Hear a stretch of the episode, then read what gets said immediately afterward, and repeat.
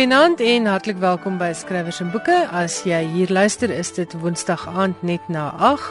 Ek is Elsje Saltzwedel en jy's natuurlik ingeskakel op RSG 100 tot 104 FM. In Finanse Skrywers en Boeke is daar 'n gesprek met Deborah Steinmeier oor haar jongste roman Mustas. Later in die program gesels ek met 'n bibliotekaresse oor Nasionale Biblioteekweek wat volgende week landwyd plaasvind. Maar eers nuus oor 'n skryfwedstryd met prysgeld van R15000. Ek praat natuurlik van die Bloemfontein se skrywersvereniging, die BSV se jaarlikse skryfwedstryd. Hierdie tradisieryke skryfwedstryd het volgens die voorsitter Corlita Swart sedert 1979 al verskeie bekende skrywers opgelewer. Sonja Loots, Jaco Jacobs, Fanny Viljoen, Karina Diedriks, Hugo Piet Steyn en etlike ander is danksy hierdie wedstryd op hulle skrywerspad geplaas. Buiten vir die R15000 prysgeld wat geborg word deur die fakulteit Geesteswetenskappe van die Universiteit van die Vrystaat, is daar ook sertifikate, wisseltrofee en die vooruitsig van 'n slypskool, 'n gratis daglange slypskool saam met die bekende en bekroonde skrywer Dion Meyer. Nou om te kan inskryf, moet jy die inskrywingsvorms en die wedstrydpamflet met al die onderwerpe gaan aflaai op die BSV se webwerf. Dis te vind by bloemsv.wordpress.com. As jy sukkel om dit daar gelees te kry, bel vir Lelani Fourie by 073 388 3377 of stuur vir haar e-pos na bloemsv@gmail.com. Ek herhaal net weer haar selfoonnommer 073 388 3377. Dit is Lelani Fourie. Die sluitingsdatum vir hierdie wedstryd is 11 Mei 2015. So dit gee julle van vandag af presies 2 maande om hiervoor in te skryf.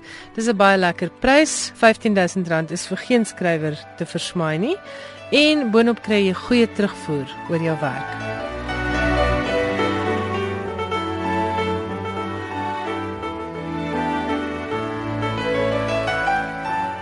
Nou is dit tyd vir my gesprek met Deborah Steinmeier, maar eers gaan ek net so lusmakertjie lees uit haar nuwe raaiselroman Mustas. Vryskut joernalis Baba Botha op besoek uit Melkbosstrand op die spoor van 'n warm storie, gaan by haar tante in Klerksdorp tuis om koste te bespaar. Die tante, aan Susie, was nooit getroud nie. Baba weet nie of 'n mens nog van ou jong nooit praat nie. Die Engelse spinster klink so fliks en flink en fiks. Die valuta waarin baba betaal vir haar verblyf is emosionele energie en die wisselkoers is nie gunstig nie. Sy moet smiddag drie sepies in 'n ry kyk in die skemersitkamer vol delicious monsters en gehekelde doilies. As doilies ooit die regte woord is vir daardie driehoekige lappies vol rafeltossels wat oor die rugkante en armleunings van gemakstoele gedrapeer is. Aan Susie is boonop 'n geheel onthouer en Baba, 'n joernalis in murg en been, hunker na inspirasie, brandstof vir kopie. Maar sy gedraer stemmig, trek gedemp aan, luister met skewe kop en Mona Lisa glimlaggie na al die stories van vergange oor die familie, plase, bruilofte, geboortes. Nou en dan glip 'n traan oor haar appelwang. Sy pink dit ongemerk weg. Baba is een van daardie mense wat letterlik tot trane gedryf word deur verveling, 'n lastige kondisie. Dit was sommer so 'n lusmakertjie uit Deborah Steinmeier se nuwe roman Mustas. Nou volgens die uitgewersinligting handel Mustas oor Aga, Jessie, Claude en Stacy, ou karakters wat ons leer ken het in haar vorige romans Die Neus in 2012 en Wenkbrau in 2013. In Mustas is die kwessie kindermolestering en ons sien Stacy as beskermengel en speurder in volle vaart. Die geheimsinnige Daantjie Pieterse maak sy verskyning as die karismatiese prediker Danny Pieter, verbonde aan die Bleeding Heart of the Lamb Ministries. 'n Ontstellende hoofstuk uit Claude se kindertyd word onthul en sy meisie Stasie en hulle twee beste vriendinne Aga en Jessie vat Pieter se spoor. Dan word Pieter se liggaam in reistasse ontdek, netjies opgesaag. Maar wie is vir die gruisame moord verantwoordelik? Deborah baie welkom by ons in die skrywers en boeke ateljee. Dankie Ilse. Jy het by ons in Afrikaans bekend geword vir Marika se laaste dans wat in 2010 verskyn het en in 2011 bekroon is met die Jan Rabie rapportprys. Maar jy het voor dit geskryf in Engels. Ja, my digbundel was in Engels gewees. En dit was 2003 sienetjie so 'n see-through suitcase. Ja. Wat deur genigtig gepubliseer is. Natuurlik nou die Nagtegaals se ja. uitgewery. Maar nou het jy in die laaste paar jaar 'n klomp raaiselromans gepubliseer.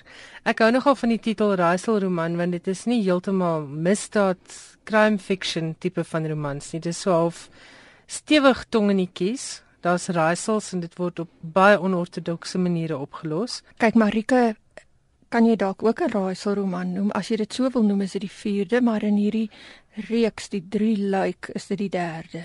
Die neus, wenkbrau en mustas. En dis alles min of meer 'n boek per jaar. Hoe kry jy dit reg om so vinnig te skryf? Ek dink 'n mens kan baie vinniger skryf. Ek voel mens moet jou 'n bietjie terughou, mens moet jou 'n bietjie inhou. Hulle het vir my gesê al, as jy te oorproduktief is, het die uitgewer se probleme om jou te bemark. Die een boek dink ek kom in die ander se pad of in die ander se kollig. Die een moet nou maar eers aandag kry, seker. En die Mustas is 'n baie interessante boek want dit is 'n boek met 'n baie swaar onderwerp, kindermolestering en pedofilie wat jy op 'n baie verrassende manier hanteer. Maar kom ons gaan net gou-gou terug na die neus en wenkbrau want die drie hou verband met mekaar. Hulle dieselfde karakters. Vertel net vir ons kortliks waar het die storie begin? Dit is baie moeilik om te onthou waar dit begin het. Ek het gedink ek wil nou misdaad skryf. Ek het eintlik beplan om meer konvensionele misdaad te skryf, lekker gruisam en bloederig, maar ek het gevind dat ek dit nie reg kry nie. En dat die fantasie element soos by Marika tog tot 'n mate insluit, miskien minder, maar dat dit tussen genres val en dis hoekom die woord raaiselroman miskien ontstaan het om dit te probeer verduidelik. So ek het dit besluit en ek het gaan sit en gedink aan 'n storie en die karakters het maar net aangeklop. Alga eerste met die groot neus. En ek dit is baie moeilik om te sê hoe dit begin. Jy weet self, dit gebeur net. Mm, mm. En toe kom Wenkbrau en ja. dit is Jessie se storie. Ja. En nou sit ons met Mustas wat so half vier karakters se storie is, se wraaktog is teen 'n uh, pedofiel pastoor. Ja. Maar dis heerlik en dis vol kinkels, daar's baie baie snaakse insidente. En daar's al die ernstige ondertone wat 'n mens sou verwag van 'n roman wat handel oor iets ernstigs soos kindermolestering. Waar het hierdie roman begin? Goed, hierdie het begin. Jy is dalk bewus daarvan dat ek kortstondig en berig in die nuus was oor 'n molesteerder wat 'n SMS vir my gestuur het na hoeveel ek ek is baie sleg met jaartalle en getalle, maar omtrent 40 jaar plus om te sê hy is jammer vir wat hy my aangedoen het en dis baie min mense met wie dit ooit gebeur. Ons min mense wat ooit die woord jammer kry, Presies, of enige erkenning dat dit wel gebeur het, dat 'n mens nie later voel asof jy dalk mal is nie. So ek moet seker dankbaar wees daarvoor. Ek dink dit het die bal aan die rol gesit. Wat vir my interessant is en en merkwaardig is, jy het nie gekies om die swaar uitweg te vat hiermee en 'n groot bekentenis tipe van roman of 'n memoir te skryf nie. Jy het 'n baie ernstige tema op so 'n manier geskryf en beskryf dat 'n klomp mense dit sal kan lees en geniet en daarbey aanklank vind. Was dit 'n bewuslike besluit? Ek dink so ja. En dankie dat jy dit sê. Ek het dit is wat ek probeer doen het. Ek is 'n baie groot voorstander van onderbeklemtoning. Ek weet nie dit het seker al met jou gebeur dat 'n vriendin of 'n vriend iets verskriklik oorkom. Dit jy weet dis tipies is dit so lang episode met 'n ongeluk of 'n munisipaliteit en hulle vertel dit vir jou in soveel detail en daar is soveel verontwaardiging en dit is so verskriklik maar eers begin jou gedagtes dwaal. Ja, dis waar. Ek voel net hmm. vertel dit kort, maak dit snaaks, som dit 'n bietjie op, so nie verlore die impak hoe verskriklik dit ook is. Wat ek ook geniet het is daar is wraak. Hulle neem wel wraak op die pastoor wat dan nou vir Claude, een van die karakters gemolesteer het. Dit word so 'n groepspoging. Almal wil deel hê aan die herstel van Claude se se lewe en en hy is eintlik die ou wat heeltemal uit die water uit staan. Hy wil eintlik net alles agter die rug kry. En daar is 'n element van lekker kry as die pastoor dan nou 'n nare lot te beurt val want 'n mens voel tog ook dat 'n geweldenaar of of iemand wat iets aan iemand anders gedoen het moet 'n bietjie van sy eie medisyne terugkry. Maar dan ontaar die hele storie en daar's heeltemal 'n verrassende kinkel of twee in die kabel. Het jy gekies om die wraak aan ander mense oor te laat sodat Claude sy eie pad weer kan vind? Weet jy die karakters, soos jy ook self sal weet as skrywer, dikteer vir jou wat gaan gebeur. Claude is nogal 'n baie cool dude. Hy is amper passief. Dit is net nie in sy aard om regtig die swaard op te neem terwyl die drie vroue karakters dink ek is baie sterk, is amper superheroes op 'n manier. So dit was in hulle aard, dink ek, veral Stasie. Ja, en Stasie is soort van die voorvegter en sy is 'n snaakse karakter. Sy is 'n Era Sangoma of 'n Era Era Pondo, vreemde vreemde mens. Is sy op iemand wat jy ken geskoei? Sy is beslis op iemand geskoei wat in Rosebank in Kaapstad woon. Sy is skaamteloos gesteel. Dis natuurlik onmoontlik om iemand te vat en in 'n boek te sit gelukkig. Jy gebruik maar aspekte van die persoon. Ja. Se persoonlikheid en hulle doen en late. En jy gebruik ook hulle verwysingsraamwerk en dinge wat hulle geleer het en waarvan hulle bewus is en veral as hulle so welsprekend is soos hierdie persoon en so stasie. En hierdie persoon net so stasie is iemand wat altyd op soek is na 'n cause so halwe Don Quixote. Gereed om te veg. Ja okay. soek windmeulens moet lesers hierdie drie romans in volgorde lees. Ek sou hoop dat mense dit losstaande kan lees want mense het nie altyd beheer daaroor soos 'n Joe Nesbo of wat ook al. So mense hoop altyd dat dit alleen kan staan. Jy moet eintlik vir my sê mense weet later nie as skrywer kan jy dit amper nie meer sien van buite nie. Mense probeer altyd, maar dit is sekerlik beter om met die eerste te begin en die opbou en hoe die karakters ontwikkel. Ek dink 'n mens kan dit wel los van mekaar lees, hoor. Ek het hierdie boek baie geniet en ek kan nie regtig meer presies onthou wat Goed. met die eerstes gebeur het nie. Waar werk jy op die oomblik? Want jy werk hard en jy skryf baie vinnig, lyk like af. Ek is op die oomblik tussen boeke. Ek voel dat ek reg is om te begin met nog 'n boek, maar ek het 'n projek of twee wat ek vinnig wil afhandel en dan gaan ek weer begin. So ek's nog nie besig weer aan 'n roman nie. Goed, maar kom ons praat gou-gou oor jou skryfwerk. Jy het laat begin skryf, jy het laat gepubliseer. Waar kom die belangstelling in skryf vandaan? En jy is ook, as ek reg onthou, subredakteur gewees by 'n bekende koerantgroep. So ja. skryf is in jou bloed, maar wanneer het jy besluit om romans te skryf? Ek wou maar nog altyd, dis al wat ek nog altyd wou gedoen het, maar dit vat baie lank om die moed bymekaar te skraap en om die tyd te vind. Jy weet as moeder, as 'n mens vir alle enkel moeder wat moet werk, soms 'n hele paar beroepe op een slag. Daar is net eenvoudig nie tyd nie en wanneer jy 'n oomblik het, is jy so gedaan dat jy liewer 'n boek lees. Ja, of net vir jou plafon lê en kyk. Presies. so dit het my 'n bietjie 'n uh, tyd geneem tot die kinders meer selfstandig was en so aan. En toe kom Marika se laaste dans, het daardie storie 'n spesifieke storie, hoe dit gebeur. Weet jy, uh, Marika het my nog altyd aangegryp, mevrou Marika de Klerk, die karakter. Dit is nou glad nie die soort vrou met wie ek identifiseer nie, maar ek het net altyd gevoel sy het aan 'n baie kort end getrek. Dinge het daarom baie lelik uitgeloop en ek was baie verontwaardig oor alles wat rondom haar gebeur het aan die einde. So dit was maar 'n kiem gewees, 'n saaitjie en ek is afgelê by Media 24 met 2 maande se salaris en dis wanneer ek toe Marika kon skryf. Dit was wat aanleiding gegee daartoe. En kwaad, kwaad vir Media 24 en vir 'n paar goedjies. En en soos jy sê kwaad vir die nare ding wat haar oorgekom het en die ja. feit dat haar hele lewe in die openbaar ja. uiteindelik onder 'n vergrootglas geplaas is. Ja. En daar's 'n ander storie, was dit die poppekas of wat was die ander storie? Dis reg, ons het al vergeet. Hy was ja. ook 'n raaisaar. Ja, jy so sê hom maar reg. Ag, weet jy, nee. Verskoon my, ek dan nie eens my kinders nie. Dis reg, daar was vier raaisaar. So die poppekas was ook 'n bietjie in woede geskryf. Ek onthou hom ja. baie goed. Dit was ook teen die groot media magnate en hoe hulle mense se lewens beheer en basies van mense poppe in 'n poppekas maak. Ja. Uh en toe het jy nou hierdie hierdie ander drie karakters ontdek en begin beskryf. sien jy nog nog boeke in hierdie reeks? Ek dink nie so nie. Weet jy, ek wil ook nie so lank soort van op dieselfde noot. Dit is wel afwisseling, maar ek voel ek wil nou heeltemal nuwe karakters skep en 'n nuwe storie. Miskien ook nie weer misdaad nie. Watter genre sou jy graag nog wou skryf? Ek sou baie graag 'n drama wil skryf. Almal wil drama skryf, maar ek het so 'n respek vir dramaturge. Ek dink dit is bitter moeilik. Dit sou ek baie graag wou doen. Lees jy? Ja, ek lees. Ek is 'n onversadigbare leser van baie klein af. En wat is jou gunsteling boeke op die oomblik want ek weet dit verander ook mos maar van mm. van tyd tot tyd. Kyk, ek lees altyd baie graag misdaad, maar dit is meer soos 'n ontsnappingslektuur.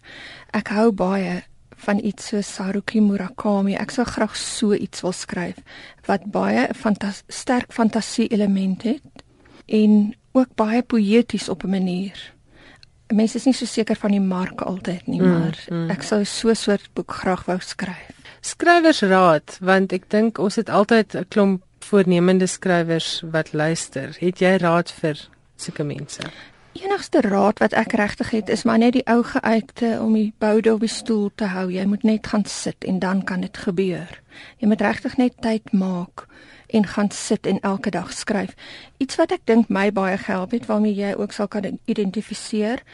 As 'n mens 'n joernalis is of selfs 'n vryskut soos ek, dan leer jy deur die jare om jou woorde te tel en te weeg want jy het 'n sekere woordetelling en daar's soveel wat jy wil weergee. So jy leer om iets bondig en baie duidelik te stel sonder omhaal van woorde en sonder oorbodige woorde. So dit dink ek is 'n baie goeie leerskool vir 'n skrywer. Ek is geneig om jou saam te stem want ek dink dit is die geheim van 'n boek soos joune. Jy het baie kort bondige hoofstukke. Ek, ek bly net so vinnig deur. Dit is almal so 3-4 bladsye en die boek se pas is lekker vinnig omdat die hoofstukke nie eindeloos voortsleep en gedurig deur 'n klomp goeters herhaal nie. En ek dink daai ding van elke dag skryf is nogal belangrik. Ja. Ek was omtrent 16 toe eintjie krog. Ek wel sê gaan my beslis nie meer onthou nie, maar dit was by 'n 'n kursus wat vir 'n klompie van ons gegee is by die Universiteit van die Vrystaat. Het sou ook gesê elke dag skryf elke dag. Hm. Al skryf jy 'n brief. Ja, maar beoefen net daai kuns elke dag. Ek dink enige iets wat jy elke dag doen of jy elke dag in die gim is of wat jy ook al doen gaan vrugte afwerp om jou vaardigheid te slyp. Het jy uh, 'n uh, vaste skryfroetine? As jy nou byvoorbeeld aan 'n boek werk, sorg jy dat jy 'n sekere aantal ure per dag werk of hoe werk dit? Ongelukkig nie. Ek is glad nie 'n rotine mens nie, maar gelukkig neem die boek my oor. Wanneer ek begin daarmee, dan begin dit my verteer en ek kan nie slaap in die nagte nie. So die nagte is 'n baie goeie tyd vir my om te skryf. Wanneer jy net eenvoudig die karakters maak jou wakker of 'n kinkel in die intrige en jy moet maar opstaan en begin skryf. So in die nag kan ek baie gedoen kry. Dan moet jy maar so deur die dag probeer kom en baie vroeg gaan slaap die aand en weer eers in die nag opspring. Dit werk vir my goed. Iets wat ek nog vir jou wil vra want ek vra dit vir alle skrywers, hierdie ding van karakters wat kom aanmeld. Dit fascineer my. Ek is nie 'n fiksie skrywer nie. En ek dink baie keer dis die ding wat my pootjie is dat ek so half ongelowig raak as mense vir my sê, "O oh nee, hierdie hierdie persoon het net by my kom aanmeld. Ek moes hom of haar net skryf." Hoe werk daai proses vir jou?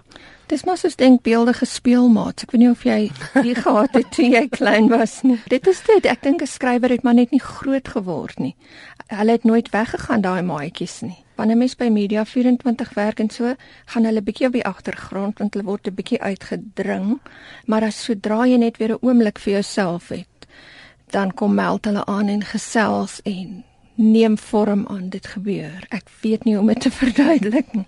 Een skrywer, ek dink dit was Irma Jubarit vir my gesê wanneer sy in die bad sit, dan kom praat hierdie skrywers, ag hierdie karakters so met haar. So waar praat jy nou oral met jou? Veral agter die stuurwiel wat eintlik baie baie ongerieflik is, want ek het nooit iets byderhand. Mens kan nie skryf nie. Ek het nie 'n diktafoon byderhand nie. So jy moet maar net probeer onthou en jy moet nog probeer fokus op die verkeer. So dit is regtig nie gerieflik nie. In die bed is beter want jy jy lê eers en jy dink dit uit, dan dink jy weer daaroor en probeer dit vasknoop in jou geheue, maar later staan jy maar op want jy dink net, nou nou is dit weg in die oggend. Ja, want ek dink dit gebeur maklik jy jy lê in daai tussenslaap lê en dink jy aan 'n briljante idee ja. en môreoggend is dit weg. Ja. Ek het eers ook gelees, ek is nie seker wat 'n skrywer dit is nie, maar wat met 'n notaboek voor sy bed slaap. Ja. En wanneer die idee om bedpak dan skakel hy dadelik die lig aan en maak 'n paar skryf 'n paar sleutelwoorde neer. Ja, mens moet dit ook seker doen, maar ek moet vir jou sê veral wanneer 'n mens nou al oor 50 is en 'n leesbril nie sonder 'n leesbril kan lees of skryf ontred nie, kan daai paar sleutelwoorde in die oggend na hieroglife lyk. en ook dan as jy in afvalhelder wakker, dan moet jy seker in elk geval maar opstaan. Jy het nou nog gepraat van 'n projek waaraan jy werk. Wat skryf jy dan as jy nie fiksie skryf nie? Hoe verdien jy jou brood?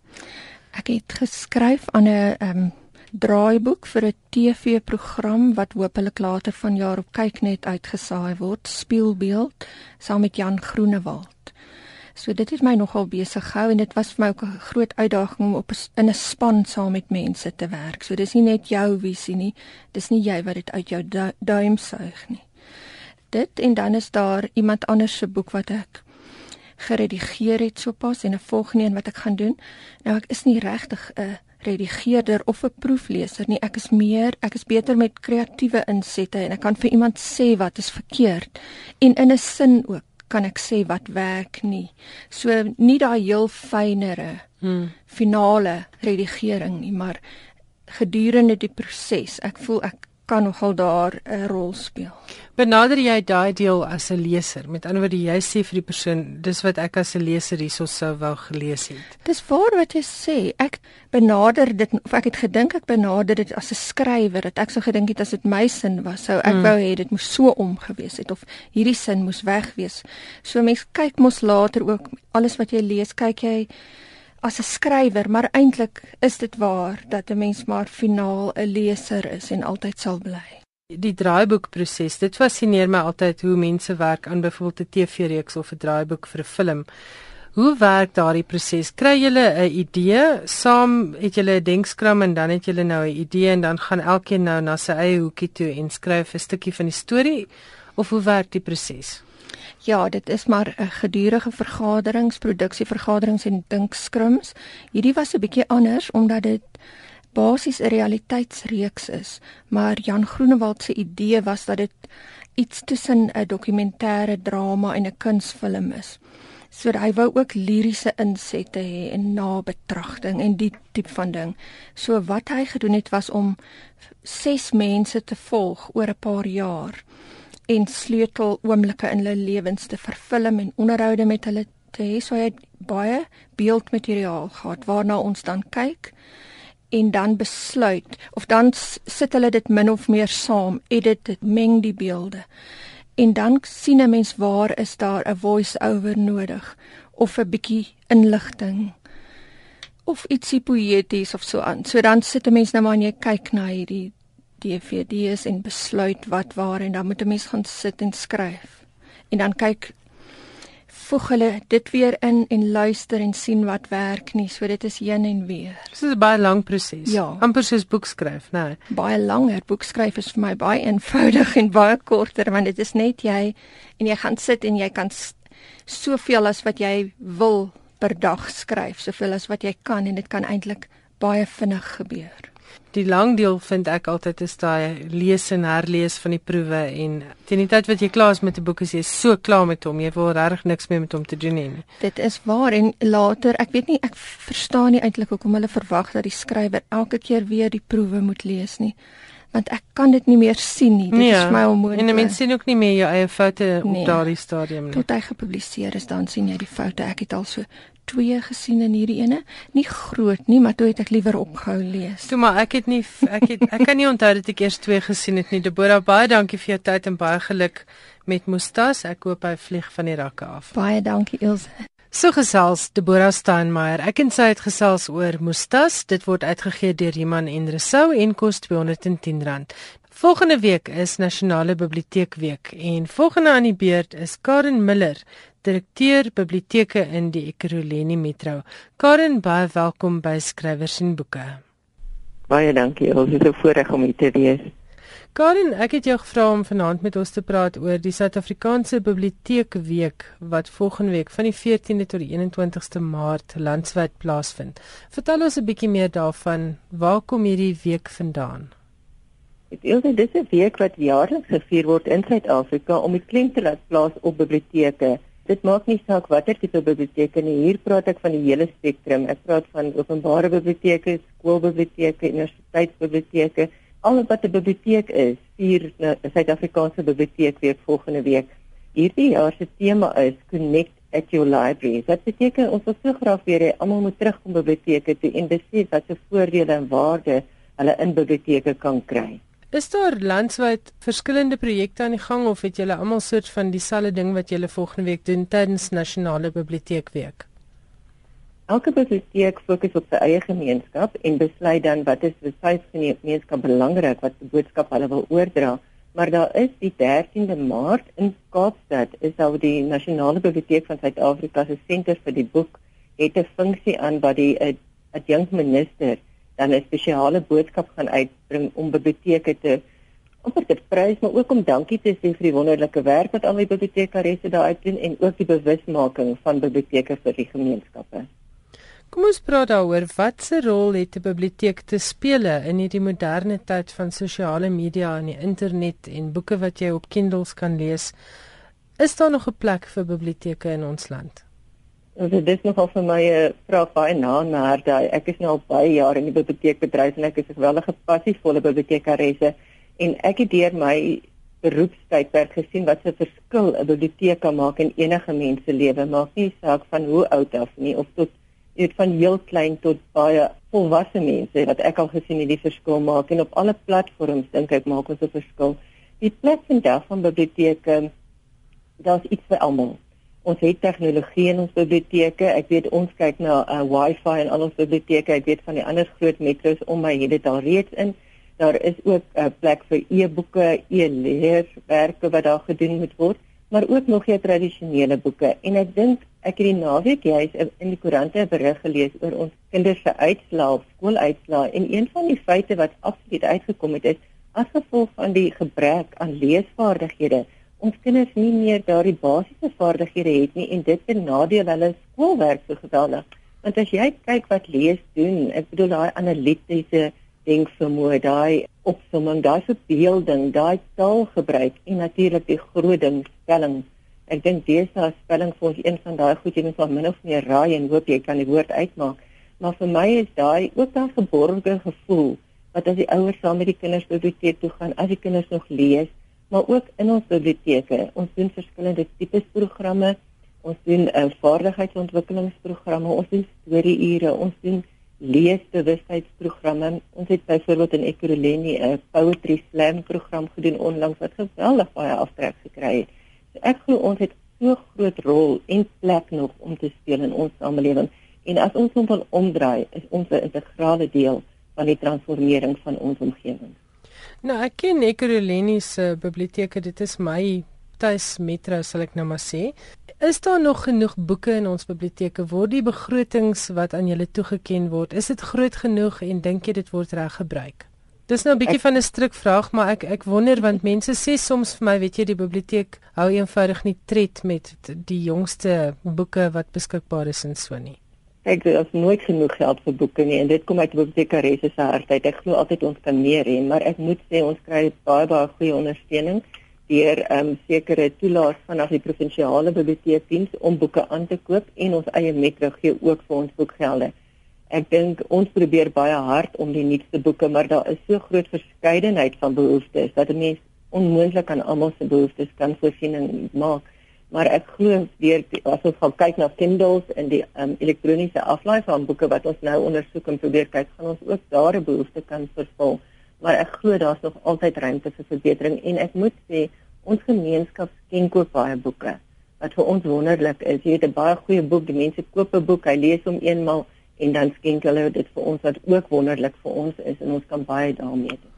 Met ander woorde wat jy ook sê is luisteraars moet asseblief weer deur hulle boekrakke gaan. Ek vra hierdie ding gereeld en kyk na die boeke wat op jou rakke staan in stof vergaar. As jy dit regtig nooit ooit weer gaan lees nie, skenk dit vir 'n biblioteek.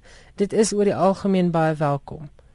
Ja, absoluut. Want soos ek sê, jy weet daar's so baie verskeidenheid behoeftes. As jy van Ehm um, jou studente het sekere behoeftes, skoliere het sekere behoeftes, ons ontspanningslees en net in die ontspanningslees genre, as jy kyk, ek lees byvoorbeeld sê nie Stephen King nie, maar ek lees net Afrikaanse fiksie. Ek lees byvoorbeeld net Afrikaanse nie fiksie. Jy weet so ons probeer aan al die behoeftes voorsien, maar ons het ook 'n wye wye uh, veld om te dek en ons het 46 biblioteke in Ekurhuleni wat 'n groot klomp biblioteke is om aan te voorsien.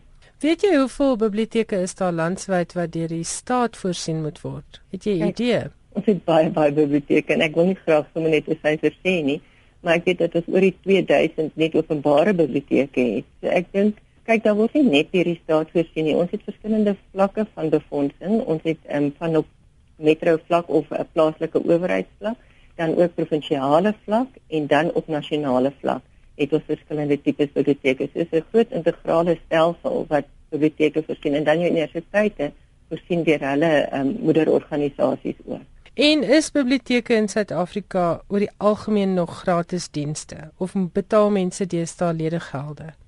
Nee, dit is iets wat in ons geweldig hard um, beklei en wat ons afsit probeer vermy um, veral jy kan nie laat mense moet kies tussen 'n brood en 'n boek nie. Dis wat ek altyd sê want ek voel net biblioteke moet gratis fasiliteite wees. Goed ons vra vir sekere van ons dienste soos 'n uh, eh, waarde toegevoegde dienste soos jou fotostate en daardie tipe van dienste maar gratis toegang dit is baie baie belangrik vir ons en ook gratis sirkulasie van boeke Met ander woorde, julle maak byvoorbeeld dan julle geld uit 'n boete. Dit is die enigste plek waar iemand ooit finansiëel belas sal word is as hy of sy 'n boek baie laat terugbring. En dit moet ek ook sê, dit is kan vir my word, maar gedurende biblioteke week het meeste van ons boete vrye weke. So dit beteken as jy nou regtig vergeet het van daai boek op die boekrak en jy kom skielik agter en jy is amper te bang om terug te bring want jy weet nou nie wat is hierdie geweldige koste nie, dan kan jy hom in daai week vir ons terugbring en ons gaan net sê baie dankie. Ons is dankbaar oor dit boek terug en ons gaan vir jou geen boetes vra vir daai boek nie. Oh, dis wonderlik. Dis 'n tipe van 'n boek amnestie volgende ja. week. So ja, gaan kyk asseblief luisteraars gaan deur julle boekrakke en kyk vir al daardie biblioteekboeke wat daar staan en soos Karen sê as jy te bang is vir die biblioteek dan om hom terug te vat, volgende week is die week waarin jy dit gerus kan doen. Jy gaan volgende week niks oorkom nie. Karen, waarna kan mense in die Ekurhuleni Metro uitsien volgende week? Goed, een van ons groot hoogtepunte is ons open twee van ons nuwe biblioteke wat ons gebou het wat ehm um, altyd 'n hoogtepunt vir ons is. Ons open ons nuwe biblioteek in Olifantsfontein wat 'n pragtige gebou is met al die fasiliteite in mooi boeke, studiefasiliteite, rekenaars, Wi-Fi, alles alles in ons biblioteek. Hy word amptelik geopen volgende week die 19de Maart en dan die 17de Maart open ons ons Langawil biblioteek in Tsekani gebied wat ook een van absoluut die mooiste biblioteke daar uit is en ons hoop dat die gemeenskap hom spesifiek gaan gebruik en dat dit 'n rol kan speel in een en elke persoon om 'n verandering te lewe te bring.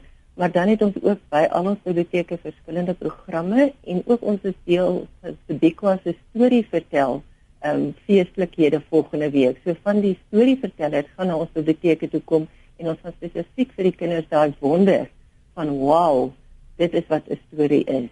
Ons wil weet daai verbeeldinge, net daai absolute wegraak in die wonderwêreld van lees wil ons weet reis by ons kinders volg. Karen, dit was baie lekker om met jou te gesels. Baie dankie vir wat julle in biblioteke al oor baie dekades vir ons as lesers beteken het. Is daar 'n kontaknommer waar mense jou kan kontak as hulle in die Ekurhuleni Metro se biblioteke wil boeke skenk? Ja, jy kan ehm um, skakel vir Ria Botha by 011 399 3212 en Ria sal dit na die regte persone toe verwys. Goed, as iemand in die Ekurhuleni Metro, dit is hier aan die oosrand van Johannesburg, wil boeke skenk vir die Metro se biblioteke, kontak vir Ria Botha by 011 9993212. En enige ander luisteraar landwyd neem ek aan kan maar net sy boksie boeke vat na sy naaste biblioteek waar dit met groot dank ontvang sal word. Wonderlik, ja. Dit is wat in al doel gebruik het, dit miskien nie selfie kan ek altyd vir skoolbiblioteke spesiale instellings, aftreeorde wat biblioteke het, almal ons sal definitief daardie boeke kan benet. Goed, dit was Karen Miller, direkteur biblioteke van die Ekurhuleni Metro in Johannesburg. Karen, baie dankie vir jou tyd. Baie dankie, ons dit is wonderlik.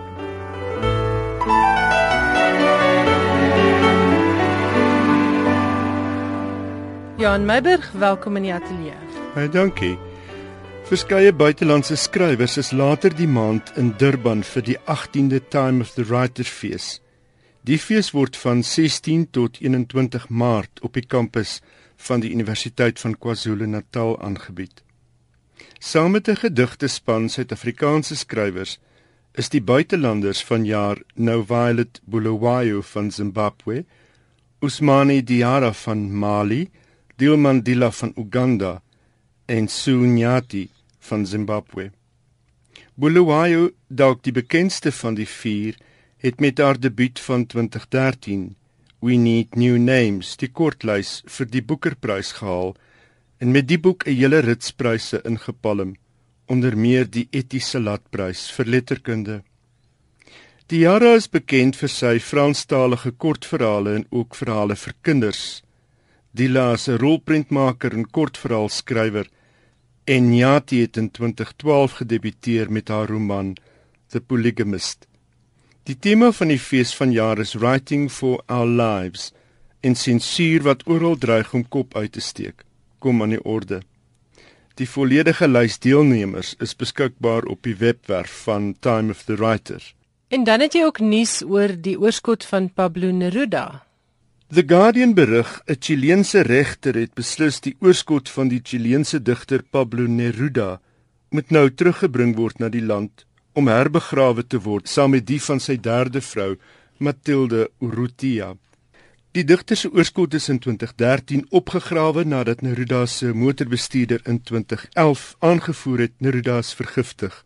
Manuel Araya het aangevoer Neruda sy lewe lank lid van Chili se kommunistiese party is deur politieke vyande vermoor deur middel van 'n inspuiting in die maag terwyl hy in Santiago in die hospitaal was.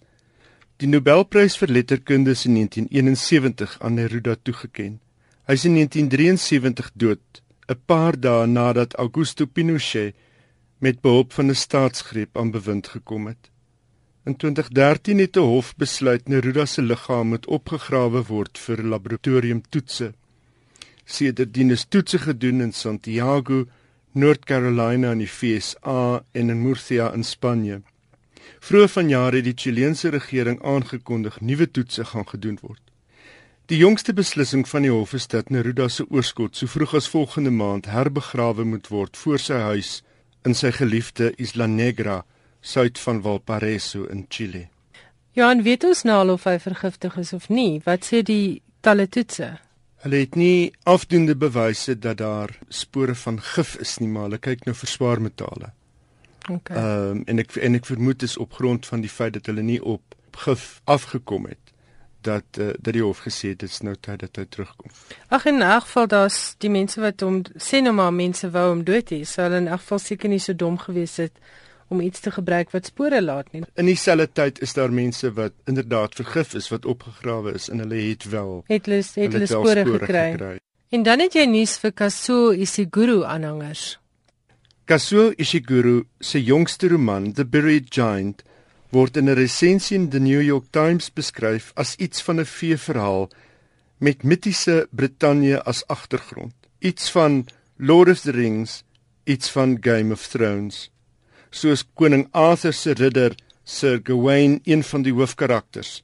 En daar's ook 'n draak met die naam Kirik. Die temas eie aan Ishiguro slaan wel deur in die roman, sy sewende die tema van geheue, van onthou, van vergeet, van ontken. Dis alles daar, soos in Remains of the Day en An Artist of the Floating World. Maar sê the New York Times se resensent, daar kom in die nuwe roman min tereg van Ishiguro se magdom en subtiele gawes. Kazuo Ishiguro se The Buried Giant word uitgegee deur Faber and Faber en dit pas in Brittanje verskyn. Sover ek kon vasstel is die boek nog nie hier beskikbaar nie. En dan het jy genoem dat jy iets het oor Kindle Scout. Nou, wat op aarde is Kindle Scout? Noem dit die American Idol van boeke of die demokratisering van die uitgewersbedryf? Amazon se Kindle Scout is pas ingespan om die eerste 10 boeke wat gepubliseer word aan te wys. Kindle Scout is in Oktober bekend gestel en die program gee lesers inspraak om te bepaal watter ongepubliseerde manuskripte uiteindelik in druk gaan verskyn. Lesers kry die geleentheid om uittreksels van manuskripte onder oë te kry en dan hulle gunstelinge te benoem. Kindle Scout doen dan die somme en bepaal volgens gewildheid watter gepubliseer gaan word. Volgens Dina Hilal, Kindle Scout se algemene bestuurder, het meer as 29000 deelnemers reeds al terugvoer gegee en aangedui watter boeke hulle sal wil lees. Dit gee skrywers die geleentheid om hulle boeke onder Amazon klante te bemark alvorens dit nog gepubliseer is, het sy gesê. Die genres wat Amazon oopgestel het vir Kindle Scout is eie tydse fiksie, historiese fiksie, aksie en avontuur, romanses, thrillers en wetenskapfiksie. Volgens geekwire.com kry Amazon klante wat boeke benoem het 'n gratis kopie sodra die boeke gepubliseer is. Dis baie interessant. Dink jy dis 'n goeie ding? Ek het nog nie lank genoeg daaroor gedink. Ek wonder net want nou kan jy weet mos op Facebook sê mense gaan stem vir my niggie se kind se kat se hond in hierdie kompetisie. Nou wonder ek of mense nie dieselfde soort van My onmiddellike gedagte is net dat dat gewildheid gewildheid gee met ander woorde die die deurslag, die deurslag mm. van wat gepubliseer word. En dit is nie noodwendig altyd gehalte nie. Dis demokraties, maar dis nie noodwendig gehalte nie. En teen hierdie tyd weet skrywers en boeke luisteraars dat daardie rustige stem behoort aan Jan Meiburg. Jan, baie dankie vir jou lekker interessante gereelde bydraes in skrywers en boeke. Ongelukkig is dit al wat die tyd ons vanaand toelaat. Daar is weer sokker en ons gaan nou nou net oorskakel om te hoor wat is die telling. Ek is die res van hierdie week by die Stellenbosse Woordfees. Ek is by die Skrywersfees betrokke en as jy nou nog nie kaartjies het nie, onthou daar is meer as 100 skrywers wat hierdie week by die Stellenbosse Woordfees optree. Kom luister gerus, daar's regtig boekgesprekke vir iedereen en elk, van kinderverhale tot nuwe fiksie gerekende skrywers wat vereer word en kosgesprekke. Daar's regtig iets vir almal. So hopelik loop ons mekaar hierdie week raak op Stellenbosch. Kaartjies is by CompuTicket en wissel tussen 40 en 50 rand. Ek gaan natuurlik ook met 'n klompie skrywers gesels. So volgende Woensdag gaan ek terug met heerlike gesprekke wat opgeneem is tydens van dese week se woordfees. Tot volgende week dan groet ek Ilse Salzveld. As jy 'n SMS wil stuur, die SMS nommer is 3343 en elke SMS kos R1.50. Ons e-posadres is soos altyd skrywers en boeke by rsg.co.za en onthou dit finansie gesprek ook soos altyd beskikbaar is as 'n potgooi. Tot volgende week, geniet jou week en lekker slaap.